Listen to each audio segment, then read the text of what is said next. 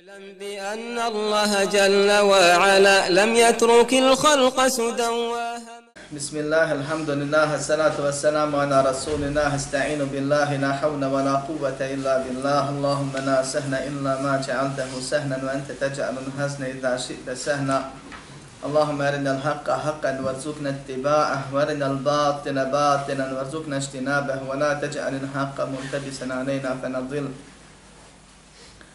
اللهم آت نفوسنا تقواها وزكها أنت خير من زكاها أنت وليها ومولاها برحمتك يا أرحم الراحمين. ربنا لا تزغ قلوبنا بعد إذ هديتنا وهب لنا من لدنك رحمة إنك أنت الوهاب.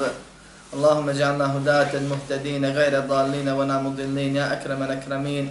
اللهم يسر ولا تعسر. اللهم بارك وتمم بالخير. لا إله إلا الله ولا حول ولا قوة إلا بالله العزيز الحكيم.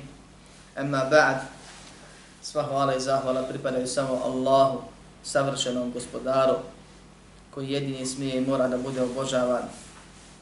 Ne ga hvalimo zbog toga što je u svemu posavršen i potpun, pa na svemu hvali zaslužuje. Njemu zahvalijemo zato što nam i svoje savršenosti i potpunosti nepogrešivo i šarijat i odredu propisuje od njeg pomoć, oprost i uputu tražimo, jer bez njega ne možemo ništa. Ako nam ne oprosti, ima pravo pravedno da nas kazni u džehennemu, na sudnjem danu ili kaboru ili pak iskušenjima na dunjaluku. A ako nas on ne uputi, niko nam napravi put neće ukazati. Zato svjedočimo da nema drugog Boga sem Allaha, jedini i nema sudruga i da je Muhammed sallallahu aleyhi ve sellem Allahov rob najbolji, njegov poslanik posljednji, a zatim nastavljamo sa komentarom ajeta koji govore o Allahovim subhanahu wa ta'ala raznovrsnim osobinama. Večeras su na temu došli na red ajeti koji govore o jednom zanimljivom obliku Allahovi subhanahu wa ta'ala osobina, jednom zanimljivom vidu kojeg posebno se trudi oni koji nisu na putu ahli sunnita val džemata da negiraju i čak ovim dokazuju ona svoja pravila koja Kur'an, sunnet, iđma, selefa i zdrav razum pobijaju. A prije toga moram naglasiti, ponoviti, da smo mi počašćeni iskušani time da smo Allahovi robovi. Da robujemo savršenom, svemilosnom gospodaru koji nas voli, ako radimo ono što od nas traži, koji nas poziva njemu i njegovoj milosti, koji nam prašta sve ako se istinski pokajemo jednom, bez obzira koliko smo prije toga griješili. I također smo iskušani time da robujemo moćnom, sveznajućem, strogom, gordom, veličanstvenom, koji nije tu samo da bi ispunjavao želje robovima, nego nas je stvorio da bi nas iskušao pa nagradio ili kaznio. I kroz svoj život možemo dobiti nagradu ili kaznu. I to na onom stvarnom, vječnom svijetu. Stoga sa Allahom subhanahu wa ta'ala nije se šalit ni igrati. Čovjek mora da zna kako da se obhodi sa svojim gospodarom. Kako da traži milost od svemilostnog i da je dobije a da izbjegne kaznu od onoga koji žestoko kažnjava i koji se zbog greha srdi i koji će sigurno dio svojih vjernih robova od džahennemu kazniti, a sve nevjernike u njemu vječno ostaviti.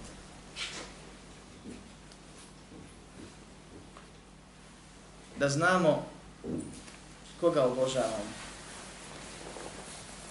zbog koga živimo, ko će nam dušu uzeti, ko će nas pred sebe postaviti, pred kim ćemo račun polagati. Kakve osobine taj gospodar ima? To je čast s jedne strane, jer Allah kad je s tobom, ne krati niko više. I njegova milost je pretekla njegovo srđbu. I on je u stanju sve. I da zaštiti, i da pomogne, i da spriječi, i da liječi. Sve ostalo su sebe. Ali ako izgubiš Allaha, izgubio si sve ako isprovociraš, rasrdiš, uvrijediš, nepokoran budeš, Allahu subhanahu wa ta'ala, njegovu kaznu zaslužiš i htjedne te kazniti, niko ti pomoć ne može. Niko te neće zaštititi. Nećeš mu umoći. Allah subhanahu wa ta'ala ima raznovrsne osobine. Mi u sve njih vjerujemo i moramo u životu da se ponašamo i djelujemo sprem našeg vjerovanja u Allahu subhanahu wa ta'ala osobine.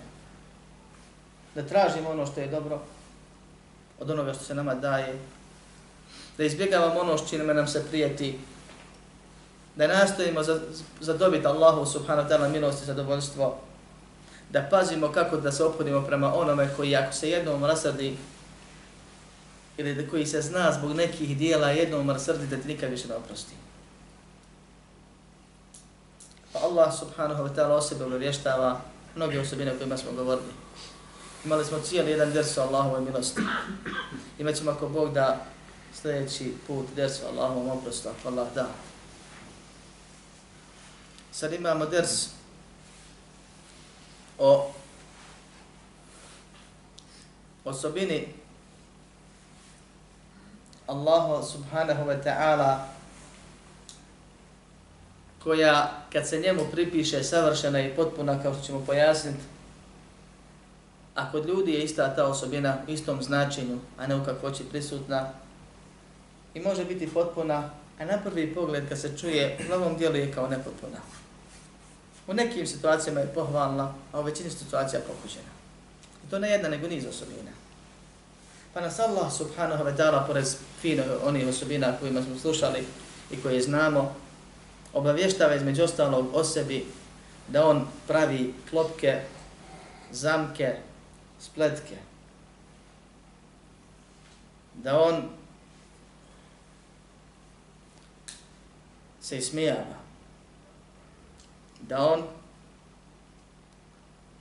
se izruguje, da on vara, ali ne u onom smislu kao koji što on sad nam pada. Čak ovako, kao što sam rekao, namjerno sam rekao ovu rečenicu, bez obzira što postoji mogućnost da je neko zlopotrebi kasnije sjecanjem, i ovako nije lijepo reći. Zašto? Zato što je došlo u Koranu uvijek nasuprot nečega drugog. Allah subhanahu wa ta'ala su Kur'an obještava o sebi. Da ima tu osobinu. Da onima koji spletkare njegovoj vjeri i vjernicima, on njima spletke pravi. Da onima koji zamke postavljaju islamu i muslimanima, on napravi zamke u koji sami upadaju. Da onima koji se ismijavaju i izruguju s njegovom vjerom, on se ismijava s njima na način kako njemu dolikuje, kako je to savršeno da on, kažem vara, ali ne u onom smislu varalica, nego u smislu da te, da se tako izrazi narodno, navuče na nešto što on hoće, što je na kraju ispravno, a ti misliš da ga uspiješ prevariti njega ili vjernice, vjernike. Pa oni koji pokušavaju prevariti Allaha, krijući kufr, ispoljavajući ima, poput munafika i drugih njene sličnih, koji pokušavaju zaobići Allahove granice, da sam sebi opere savjest, da nije pogriješio, znam da jeste, i tako dalje i tako dalje od vjernika slabog imana. Allah subhanahu wa ta'ala da određene stvari i kazni ih onda kada se ne nadaju, čak im nekad da neke blagodati kojima se zabave pa misle da su u redu, da su ispravni i na taj način čin ih postepeno približi njegovoj bolnoj kazni bilo na dunjalku ili na ahiretu pa kaže za sebe indan munafiqina yukhadi'un Allaha wa huwa khadi'uhum zaista munafici pokušavaju prevariti Allaha ili varaju Allaha, a on njih na kraju prevari. Pa je najveća ta hid'a ili zamka ili klopka, može se reći i prevara, i bliže je, ali ne u onom negativnom smislu, to što ih pusti da cijeli život glumi vjernika. Pa kad mu dođe melek smrti, onda ga obavijesti da je bio nevjernik. Zatim ga u kaburu muči ko nevjernika. I na sudnjem danu ga proživi s vjernicima pa se opet jednik ponavlja. Pa kad svi nevjernici budu poslani u džehennem, on ostane s vjernicima. Pa Allah naredi vjernicima da učine seždu, a ne mu koči kičmu, on ne može. I posle toga opet kaže idite u džennet. Ali preko džehennema. I opet krene s njima. I opet se nada. Čim nije posla sa ostalim, džaba što je sve proživio i doživio. Pa kad dođu na sirat, vjernicima se upale svjetla, oni ih nemaju. Ili im se pale i gasi. Svjetla imana, oni imana nemaju, nego su lažno se predstavili, pa će im dati za dio tog, onako kako su se ponašali. Pa kad vjernici pređu sirat, oni će propast u džehennem i ostati u njemu vječno. I na kraju će skontati da su oni bili ti koji su prevarili sebe i dobili su kaznu. Tako Allah kaže da ih je prevario, a ne u onom smislu iznevjerio, nego im sklopku napravio i zamku kako zaslužuju. Ali ovi termini u arapskom jeziku poput mekr, kejd, hile, hida, o kojima se spominje u ajetima, znači u terminološkom smislu da dostaviš nešto na nepoznat način onome kome dostavljaš. To je zlo, e, klopka, pardon, zamka, spletka i tako dalje. Da on misli da je u redu, da je uspio, a ti si njemu tamo nešto pripremio, isto se definiše iznenađenje. To ne mora biti negativno uvijek. Pa se on kasnije iznenadi. Kod ljudi to može biti pozitivno i negativno iz dva razloga. Prvo, možeš nedužnom čovjeku praviti spletku, zato to što ti pokvari.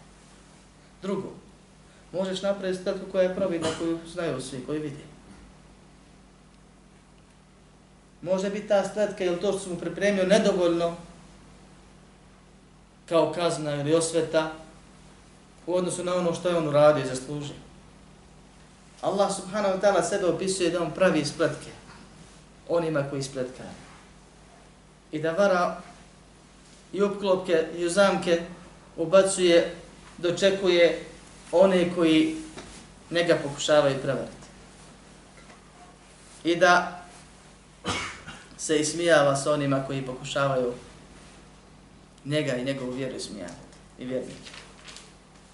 Jer onda kad, za, kad dođe tam za kojeg Allah kaže فَالْيَوْمَ الَّذِينَ آمَنُوا مِنَ الْكُفَّارِ يَضْحَكُونَ Toga dana će se vjernici nevjernicima smijati.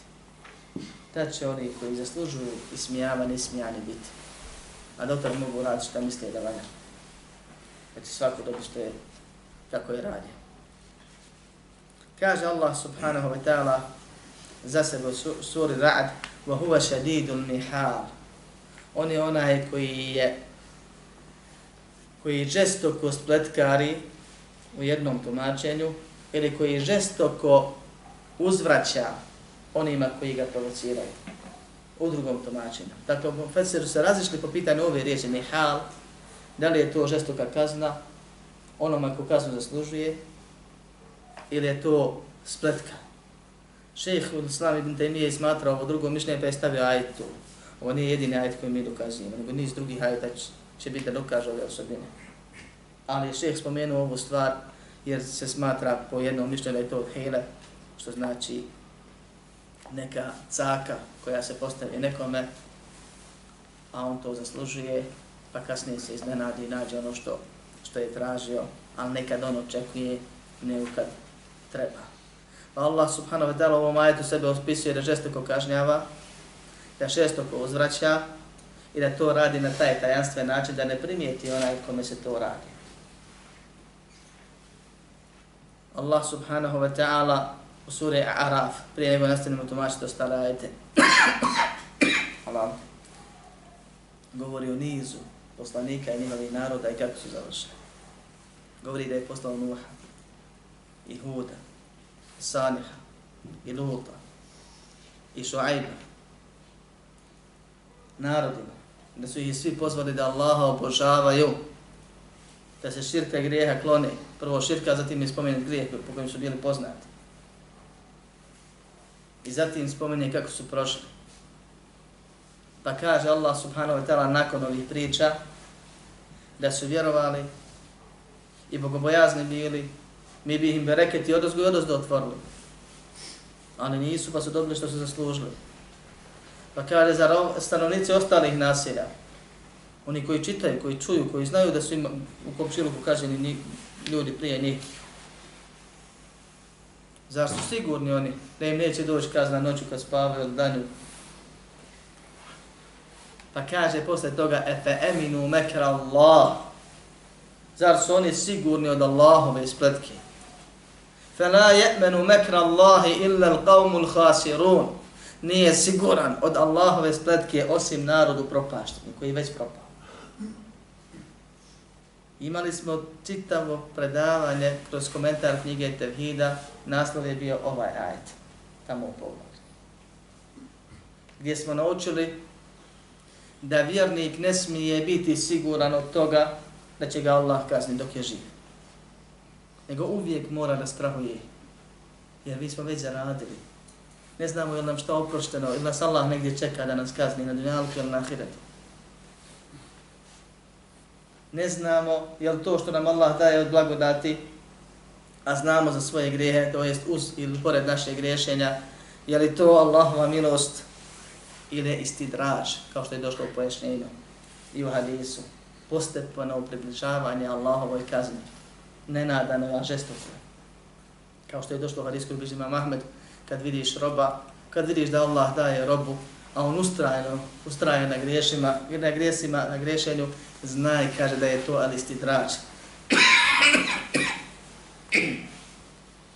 to je znaje da ga postepeno Allah nenadano približava kaznu. Griješio je, griješio je, griješio je, čuo je opomenu, nije se opomenuo. Dobivao je iskušenja, nije se opomenuo, nije se vratio. Nekoga je pozivao, lično, savjetovao, nije se pokajao, nije se vratio. Onda ga Allah počne oblaspati blagodatima, da se zabavi time uživanjima. Pa ga onda kazni kad hoće. I to žestoko. Da mu sve ono što je zaslužio za svo to vrijeme. Može biti na ovom svijetu ili na ahiretu. Prije ili posle smrti. Pa je pojenta da vjernik ne smije biti siguran od toga, od toga i da su da je osobina nevjernika da su sigurni od Allahove kazne. I svi ovi koji su odbili poslanike bili su sigurno da neće.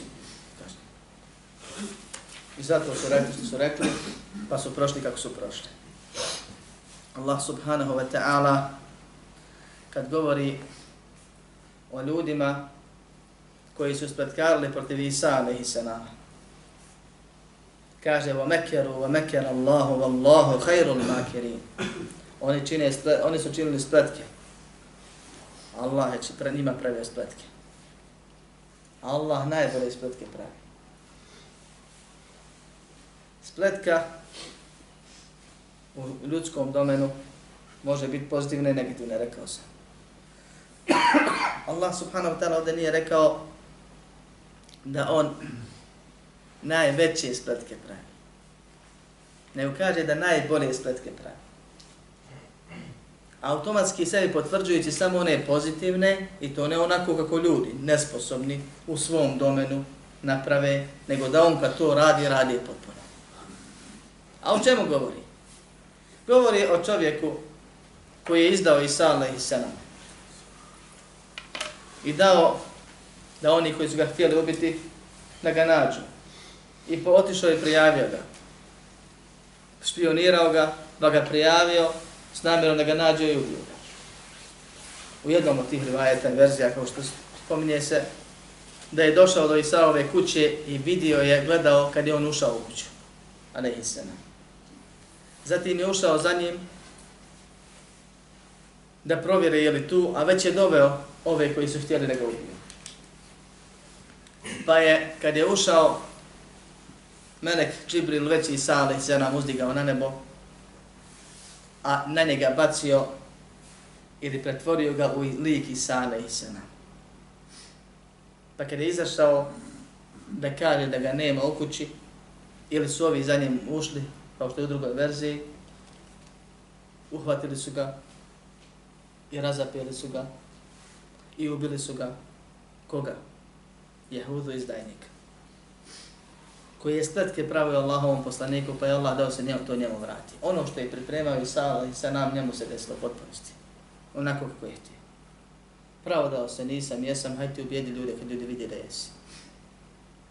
I to su riječi Allaha subhanahu wa ta'ala, nisu ga ubili, nisu ga razapeli, nego im se učinilo. Kaže Allah subhanahu wa ta'ala za tu priču, kaže, umekeru, umekeru Allah, oni su pravili spletke, Allah je spletke pravio. Allah najbolje spletke pravi. Niko ne bi mogao ovako mu se osvijetiti i uzvratiti, da u potpunosti dobije ono što je drugom pripremio, zato što je u njegov lik pretvoren. Da baš ljudi urade što su naumili, i misle da su stvarili, a ti koji si to uzrokovao, dobiješ upravo ono što si drugom pripremio. To je jedan primjer kako Allah subhanahu wa ta'ala je o kojima se spletkama govori, radi Kaže u drugom ajetu وَمَكَرُوا مَكْرًا وَمَكَرْنَا مَكْرًا وَهُمْ لَا يَشْعُرُونَ فانظر كيف كان عاقبة مكرهم أنا دمرناهم قومهم أجمعين Oni su pravili spletke, a mi smo pravili spletke, kaže Allah subhanahu za sebe. Bez da oni to osjeti. Pogledaj kako je, šta je posljedica njihovih spletki. To da smo njih i njihov narod potpunosti kaznili. Kome govori? od devet kriminalaca u doba Saliha Nehisana, koji su se složili na tome da trebaju zaklati ili ubiti devu. Dvojica su pokrenuli. Najgori u tom mjestu. Najveći pokvarenjaci. Pa su našli sebi sedam sličnih još Ukupno ih je bilo devet. Kaže Allah, osjećano, kane fil medine di tis'atu rehtin yufsidune fil ardi wa na yusnihon. Bilo je u tom gradu devet osoba, činili su, kaže, nered, a nikad dobro nisu radili. Samo su nered činili. Poznani poznani. قالوا تقاسموا بالله لنبيتنه وأهله ثم لنقولن لوليه ما شهدنا مهلك أهله وإنا لصادقون Rekli su i zakleli se, ili zaklećemo se. Allahom, zaklijemo se Allahom, ubit ćemo njega i njegovu porodicu po noći. A zatim ćemo reći onima koji su odgovorni, koji će tražiti njihov krv, osveti i tako dalje, nismo mi ništa vidjeli. Mi istinu govorimo. Ne ja pet svjedoka, nismo mi to bili, mi nemamo pojma. Pa Allah kaže, pravili su spletke, a mi njima pravili spletke. Bez da oni to osjeti. Pa su nakon što su ubili devu, ubili pa zaklali, odnosno ranili pa zaklali, popeli se na jedno brdo da prate kretanje tog Allahovog vjerovjesnika, da vide gdje će, šta će, kad će, kad će ući kući, kad doći, tako dalje. Pa su u jednoj verziji spomene su se sakrili u pećini, iz pećine izvirivali, a u drugoj da su bili na brdu negdje. Pa je Allah subhanahu wa ta'ala dao da se odvali kamen i da ih pokloni. I s njima završi. Kaže, pogledaj kako, su, kako je prošlo, kakav je rezultat, Allah kaže, pogledaj kakav je rezultat njihovi spletki, to da smo ih uništili. Va kaume hum ajma'in, i cijeli njihov narod. Nakon toga je došlo ono što je došlo, što je zaprijetio Allahov vjerovjesnik Salih alaihi senam, rekavši, ostanite tri dana, za tri dana će vam doći kazna. I došla im je kazna na kako je, propis, kako je propisano i kako je spomenuto. Pa Allah subhanahu wa ta'ala obještava kako oni koji spletkare protiv njegove vjere, vjernika, vjerovjesnika i tako dalje, kako prolaze na ovom svijetu. Kad kod sebe Allah subhanahu wa ta'ala opisuje dijelima koji kod ljudi mogu biti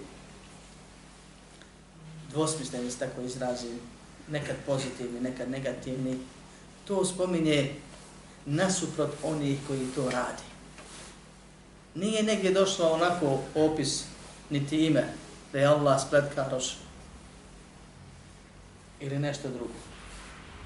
I zato ehli sunnet val džamaat ne potvrđuje Allahu to kao osobinu općenitu, nego onako kako je došlo u Kur'anu. Allah spletkari onima koji spletke prave i zaslužuju. I ostale sve osobine koje sam spomenuo na isti I niko nije od ispravnih islamskih učenjaka dozvolio da se iz ovih dijela izvode Allahova subhanahu wa ta'ala imena i da se Allah naziva po tim osobinama. Jer smo već mi prije naučili da su Allahova imena i njegove osobine ono kako, onako kako su u Kur'anu i sunetu prenesene. Da nema pravo insan da od sebe daje, nego koji je došlo u Kur'anu ime, mi ga u njemu vjerujemo. Ako je došla osobina, nije ime, mi vjerujemo osobina, vjerujemo ime. Ako je došla osobina u određenim situacijama poput ove, mi vjerujemo u tu osobinu onako kako je došla. I šta je drugo vjerujemo, što je bitno uvijek, da je ona potpuna, najbolja. Da tako treba. To nije negativnost.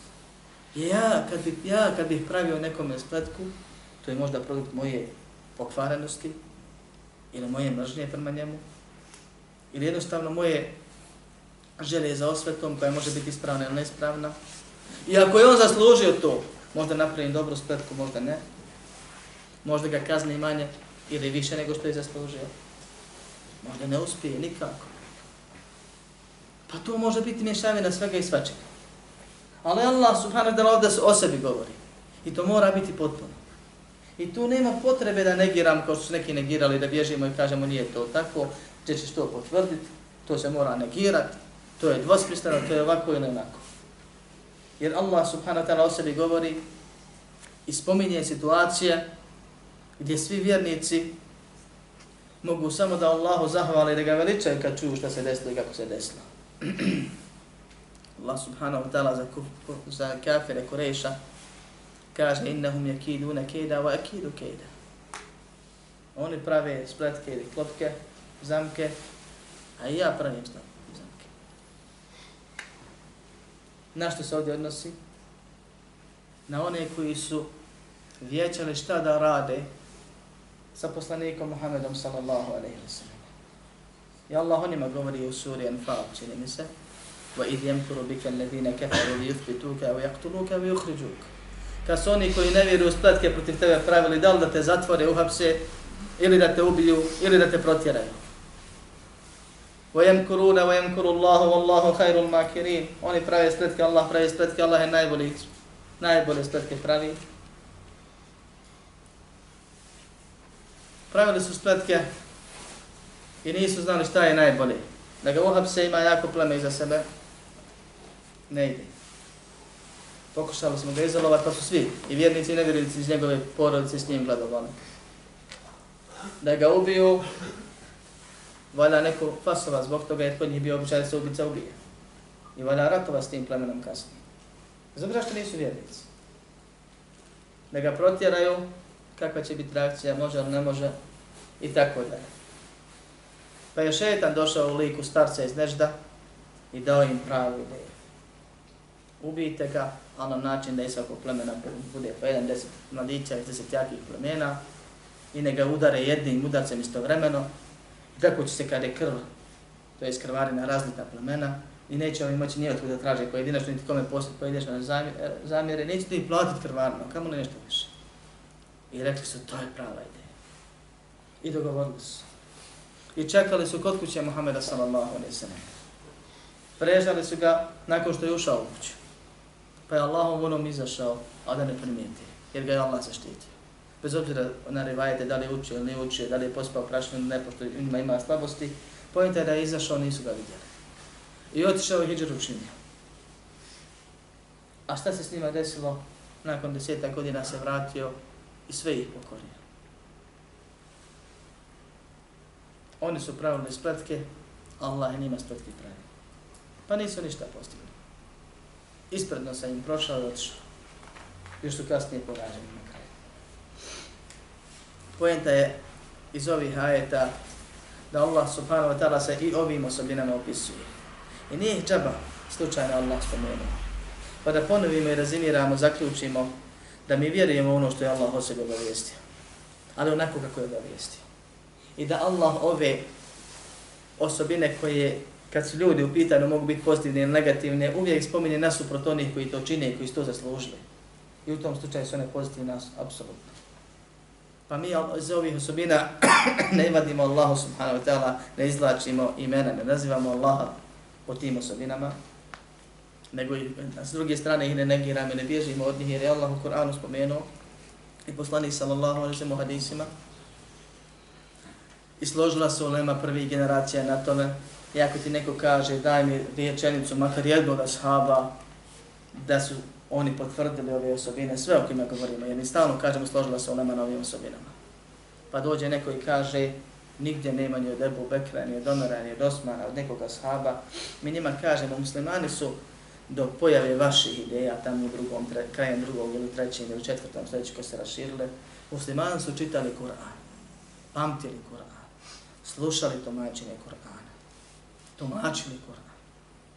I nikome od njih nije naumpalo da kaže stani, Ako ovo sad što sam ti ja citirao iz Kur'ana, povjeruješ, bukvalno shvatiš ti si izašao izvjeri. Nego su to vjerovali. Dok se nije pojavio neko kasnije tamo nakratno, ne kaže ne smijemo ovo prihvatiti, nego to moramo negirati, tumačiti ili ovo ili ono raditi. Pa je ono na čemu su oni bili, što nisu negirali, nego su prihvatali i nisu popravljali, dokaz da su na tome složni bili. Od Allaha Kur'an slušali, od poslanika sallallahu sallam hadis uzimali, niti ih je poslanik napomenuo, nemoj to ovo bukvalno shvatiti, nego ovo se misli tamo amo, niti su oni posle učili druge generacije da Kur'an upućuje na kufr, kao što to misle ovi indirektno, neće priznati tako kažu, ovi koji Allahu negiraju osobine, ili prepravljaju tumače pogrešno, jer kažu ako tako povjeruješ ti poredi Allaha stvorenjima, to je kufr.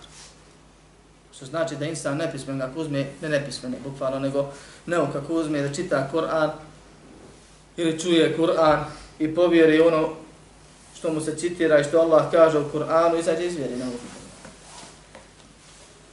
To je rezultat njihove, njihove akide i njihovog vjerovanja.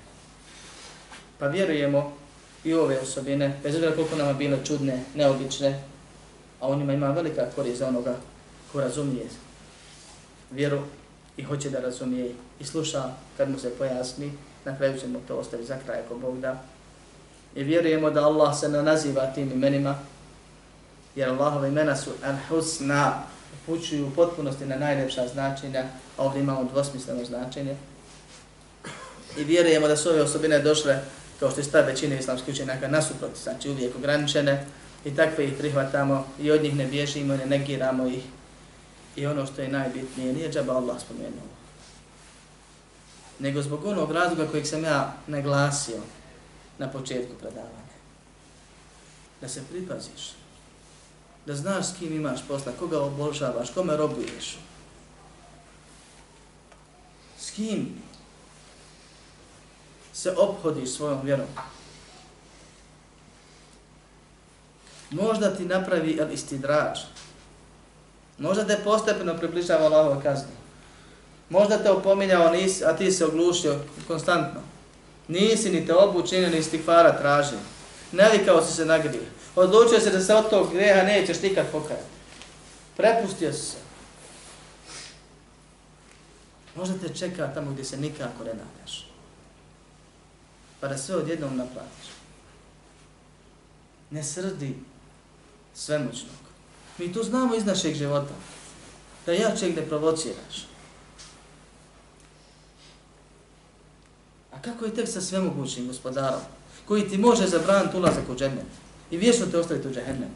Ili te može privremeno uvesti u džehennema grozno i on boravište? Koji ti može usaditi blagodati samo zato što nisi zahvalna na njima? A kako je tek kad mi Allahove blagodati u grijehu koristimo? Provociramo ga ono, onim što nam je dao. Da se ne prepuštamo slučaju i ne opuštamo kada je u pitanju gospodar svjetova odnos prema njemu. Nego da stalno u strahu od Allaha subhanahu njegove sržbe budemo i njegove kazne i pazimo se da ga ne isprovociramo, a da s druge strane znamo da je njegova milost pretekla njegovu sržbu i da se neprestano nadamo. I zato je došlo u hadisima kod Ahmeda, Bezara i drugih, govorili smo o tome u onom pogledu nekad davno, da je od velikih grijeha ili od najvećih velikih grijeha gubljenje nade u Allahove milost i sigurnost da Allahove kazne.